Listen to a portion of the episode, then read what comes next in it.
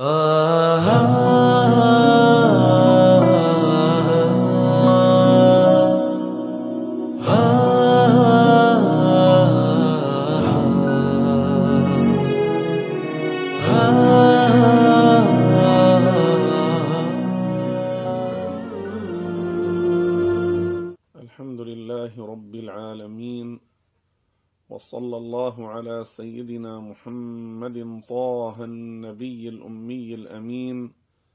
العالي القدر العظيم الجاه وعلى آله وصحبه ومن والاه. وأشهد أن لا إله إلا الله وحده لا شريك له. وأشهد أن محمدا عبده ورسوله وصفيه وحبيبه وخليله. صلى الله عليه وعلى كل رسول أرسله. ورضي الله عن أبي بكر وعمر وعثمان وعلي وبقية العشرة ورضي الله عن كل الأولياء والصالحين. أما بعد إخواني وأخواتي في الله حفظكم الله ورعاكم فمن ارشادات ونصائح وتوجيهات ودرر مولانا المرشد المجتهد الحافظ ولي الله الصالح الشيخ عبد الله بن محمد الهرري رحمه الله رحمة واسعة يقول الولاية بالعمل والعمل بالاستقامة والاستقامة قبل الموت. هذه العبارة وهذه الكلمة بينت من هو الولي وبينت أنه يصير وليا قبل الموت وبينت أن الولي لا يكون وليا إلا بالعمل. تعالوا أنا وأنتم لنرى ونعرف من هو الولي. الولي هو من تولاه الله بعنايته. هو المسلم الذي تعلم الفرض العيني أدى الواجبات واجتنب المحرمات وأكثر من نوافل الطاعات. هذا شرط الولي وهذا يكون بالتطبيق والتنفيذ والعمل والعمل يكون قبل الموت وليس بعده. وبغير هذا الشرط لا يصل الإنسان إلى الولاية. يعني إذا ترك هذا الشرط لا يكون وليا من أولياء الله مهما أتعب نفسه بصور العبادات ومهما أتعب نفسه بالأوراد والأذكار وبقيام الليل وصيام النهار. مهما انتسب للمشايخ وأخذ الطرق مهما زار من المقامات وتردد إلى حلقات الذكر مهما تغنى بكرامات الأولياء والصالحين لكنه لم يلتزم بالشرط الذي ذكرناه ولم يتحقق فيه هذا الشرط فهذا لو بقي إلى مئة سنة لا يكون وليا. اذا الشرط الذي لا بد منه ليصير وليا ليصل إلى الولاية ليدخل في الولاية اولا الإسلام. لماذا؟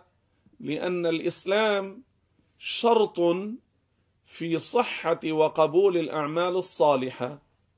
يعني لو أردنا أن نتكلم عن الوضوء عن الصلاة عن الزكاة عن الحج عن الذكر عن الصدقات عن قراءة القرآن عن كل الحسنات عن كل الطاعات لابد أن يكون الذي قام بهذه الطاعات والحسنات مسلما.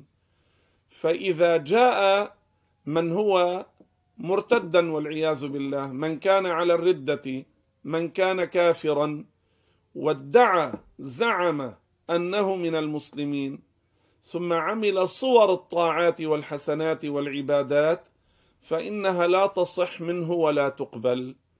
وبما أن الولاية شرطها الإسلام وشرطها الأول الإسلام وشرطها الأساس الإسلام ليصح من هذا الإنسان بعد ذلك الطاعات والعبادات فكان الشرط الأول هو الإسلام في الولي وفي باقي المسلمين لتصح وتقبل منهم الأعمال الصالحة. لأن من الناس من يكون والعياذ بالله تعالى على غير الإسلام. وليس شرطا أن ينتسب إلى اليهودية والبوذية والمجوسية. ليس شرطا أن يقول أنا نصراني إنما لو هو ادعى الإسلام لو هو انتسب للإسلام لكنه كان يعتقد عقيدة أو يقول كلاما أو يعمل أعمالا تكذب الإسلام. كالذي يعتقد والعياذ بالله تعالى أن نبيا من الأنبياء كان على غير الإسلام. كالذي يقول أو يعتقد بأن الله تعالى يتغير وأن العبد هو يخلق أفعال نفسه الاختيارية وليس الله يخلقها. كالذي يعتقد أن الله حل في الكعبة أو أن الله يسكن السماء أو أن الله يجلس على العرش أو أن الله له كمية أو امتداد. كالذي يعتقد أن الله حل في الجنة أو حل في الأولياء أو في الأنبياء. هذا ليس من المسلمين. كالذي إذا غضب أو لعب أو مزح سب الله سب الإسلام. هذا ليس من المسلمين. وعليه أن يرجع للإسلام بالشهادتين. فاذا هذا الإنسان الذي كان مرتدا كان كافرا ولو كان يزعم أنه مسلم لو كان يعتقد في نفسه أنه على الإسلام ولو كان يقول بلسانه عن نفسه إنه مسلم هذا عند الله كافر لأنه كان سب الله ولم يتشهد. سب موسى أو عيسى ولم يتشهد. شبه الله بخلقه نسب لله القعود الجلوس المكان التغير ولم يترك هذه العقيدة الكفرية ويرجع للإسلام بالشهادتين. فهذا على الكفر ولو ادعى الإسلام. ثم بعد ذلك لو على زعمه صام وصلى وجاء بصور كل العبادات لا تصح منه ولا تقبل. عرفنا لماذا الشرط الأول في الولي هو الإسلام؟ لأجل أن تصح منه وتقبل منه الأعمال الصالحة. ومن الدليل القرآني على أن الإسلام شرط في ذلك على أن الإيمان شرط في ذلك هذه الآية. قال الله تعالى ويبشر المؤمنين الذين يعملون الصالحات. انتبهوا ما قال ويبشر كل الناس هنا هنا شرط بينته الآية وهو الإيمان. ويبشر المؤمنين بعد أن كانوا مؤمنين ماذا فعلوا؟ قاموا بالأعمال الصالحة. لاحظوا الآية. ويبشر المؤمنين الذين يعملون الصالحات أن لهم اجرا حسنا ماكثين فيه أبدا. هذا القرآن. ولاحظوا إلى قول الله تعالى ومن يعمل من الصالحات من ذكر أو أنثى وهو مؤمن فأولئك يدخلون الجنة. ولا يظلمون نقيرا. هذا دليل قرآني آخر. والآيات كثيرة. فإذا أما من الحديث فما قاله صلى الله عليه وسلم أفضل الأعمال إيمان بالله ورسوله صلى الله عليه وسلم. وفي حديث آخر أفضل الأعمال إيمان لا شك فيه. اذا الإيمان هو أساس هو شرط الإسلام شرط أساس. وقد ورد في الحديث أنه صلى الله عليه وسلم كان تهيأ للغزو تهيأ للقتال. فجاء أحد المشركين وكان قد تقنع. قال يا رسول الله أأسلم أم أقاتل؟ وهو ما زال على الشرك لم يتشهد. لم يدخل في الإسلام. قال يا رسول الله أسلم أم أقاتل؟ قال أسلم ثم قاتل. وما معنى كان آه، مقنعا؟ يعني كان لبس ثياب القتال وأراد أن يدافع عن رسول الله لكنه كان على الشرك لم يكن قد دخل في الإسلام. فانتبهوا للسؤال. هذا الرجل يقول يا رسول الله أسلم أم أقاتل؟ أرشده صلى الله عليه وسلم للأصل للأساس. قال أسلم ثم قاتل. أسلم الرجل وكان صادقا قاتل فقتل. فقال صلى الله عليه وسلم عمل قليلا وأجر كثيرا. فالإسلام هو الأصل وهو الأساس. اذا هذا الشرط الأول الإسلام.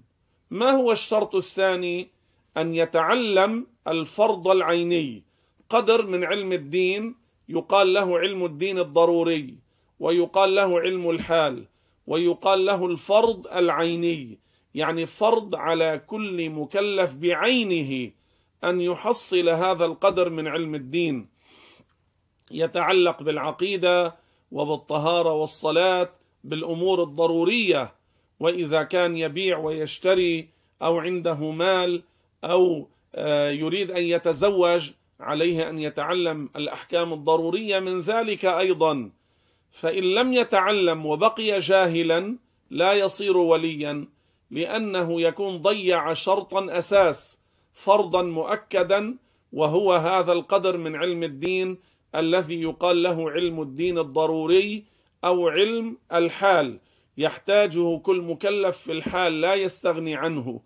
فمن ترك هذا الفرض لم يتعلم هو فاسق ظالم لنفسه وقد ينجر إلى الكفر والعياذ بالله تعالى. هذا الشرط الثاني أن يتعلم وقد قال صلى الله عليه وسلم طلب العلم لاحظوا قال طلب العلم فريضة على كل مسلم. اذا هذا العلم الذي تكلمنا عنه فرض واجب مؤكد على كل مكلف سواء تخرج من المدرسة أو لم يدخل الكتاب سواء دخل الجامعة أو لم يعرف الابتدائية. لكنه مكلف ولو كان لا يعرف القراءة والكتابة الأصل أن يسمع فيفهم. هذا الأصل وهذا سهل جدا. المرأة الفلاحة البدوية تسمع وتفهم تعمل فتصير ولية وتقية وصالحة. هذا الأصل. ليس شرطا أن تتخرج من الجامعة أو أن يكون مهندسا أو أن يدخل المعاهد. هذا لا شرط ولا أساس ولا ركن في ذلك. فإذا أن يكون مسلما أن يتعلم الفرض العيني ثم يؤدي الواجبات ويجتنب المحرمات مع الإخلاص. ما هو الشرط الرابع؟ أن يكثر من نوافل الطاعات. ما هي النوافل؟ النوافل يعني الأمور التي هي في مقابل الفرائض. بعدما أدى كل الفرائض التي عليه أكثر من السنن من النوافل الطاعات الزائدة على الفرائض فيكثر. ولو أكثر من نوع واحد لا يشترط أن يكثر من كل أنواع النوافل. لو أكثر من نوع واحد من أنواع النوافل يكفي كالصلاة النافلة أو الصيام أو الذكر مثلا. يقول في اليوم مئة ألف تهليلة. فالمهم أن يكون إكثارا أن يكون إكثارا. هذه هي شروط الولي. من أخل بواحدة منها من أخل بشرط بواحد من هذه الشروط فلا يكون وليا ولا يصل إلى الولاية.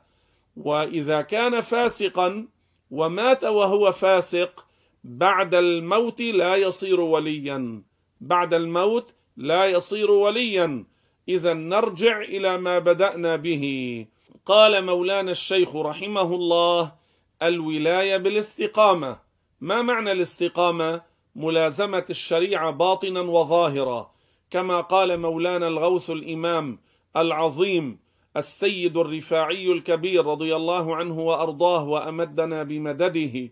قال طريقنا علم وعمل طريقنا علم وعمل. ثم ماذا قال؟ الاستقامة عين الكرامة.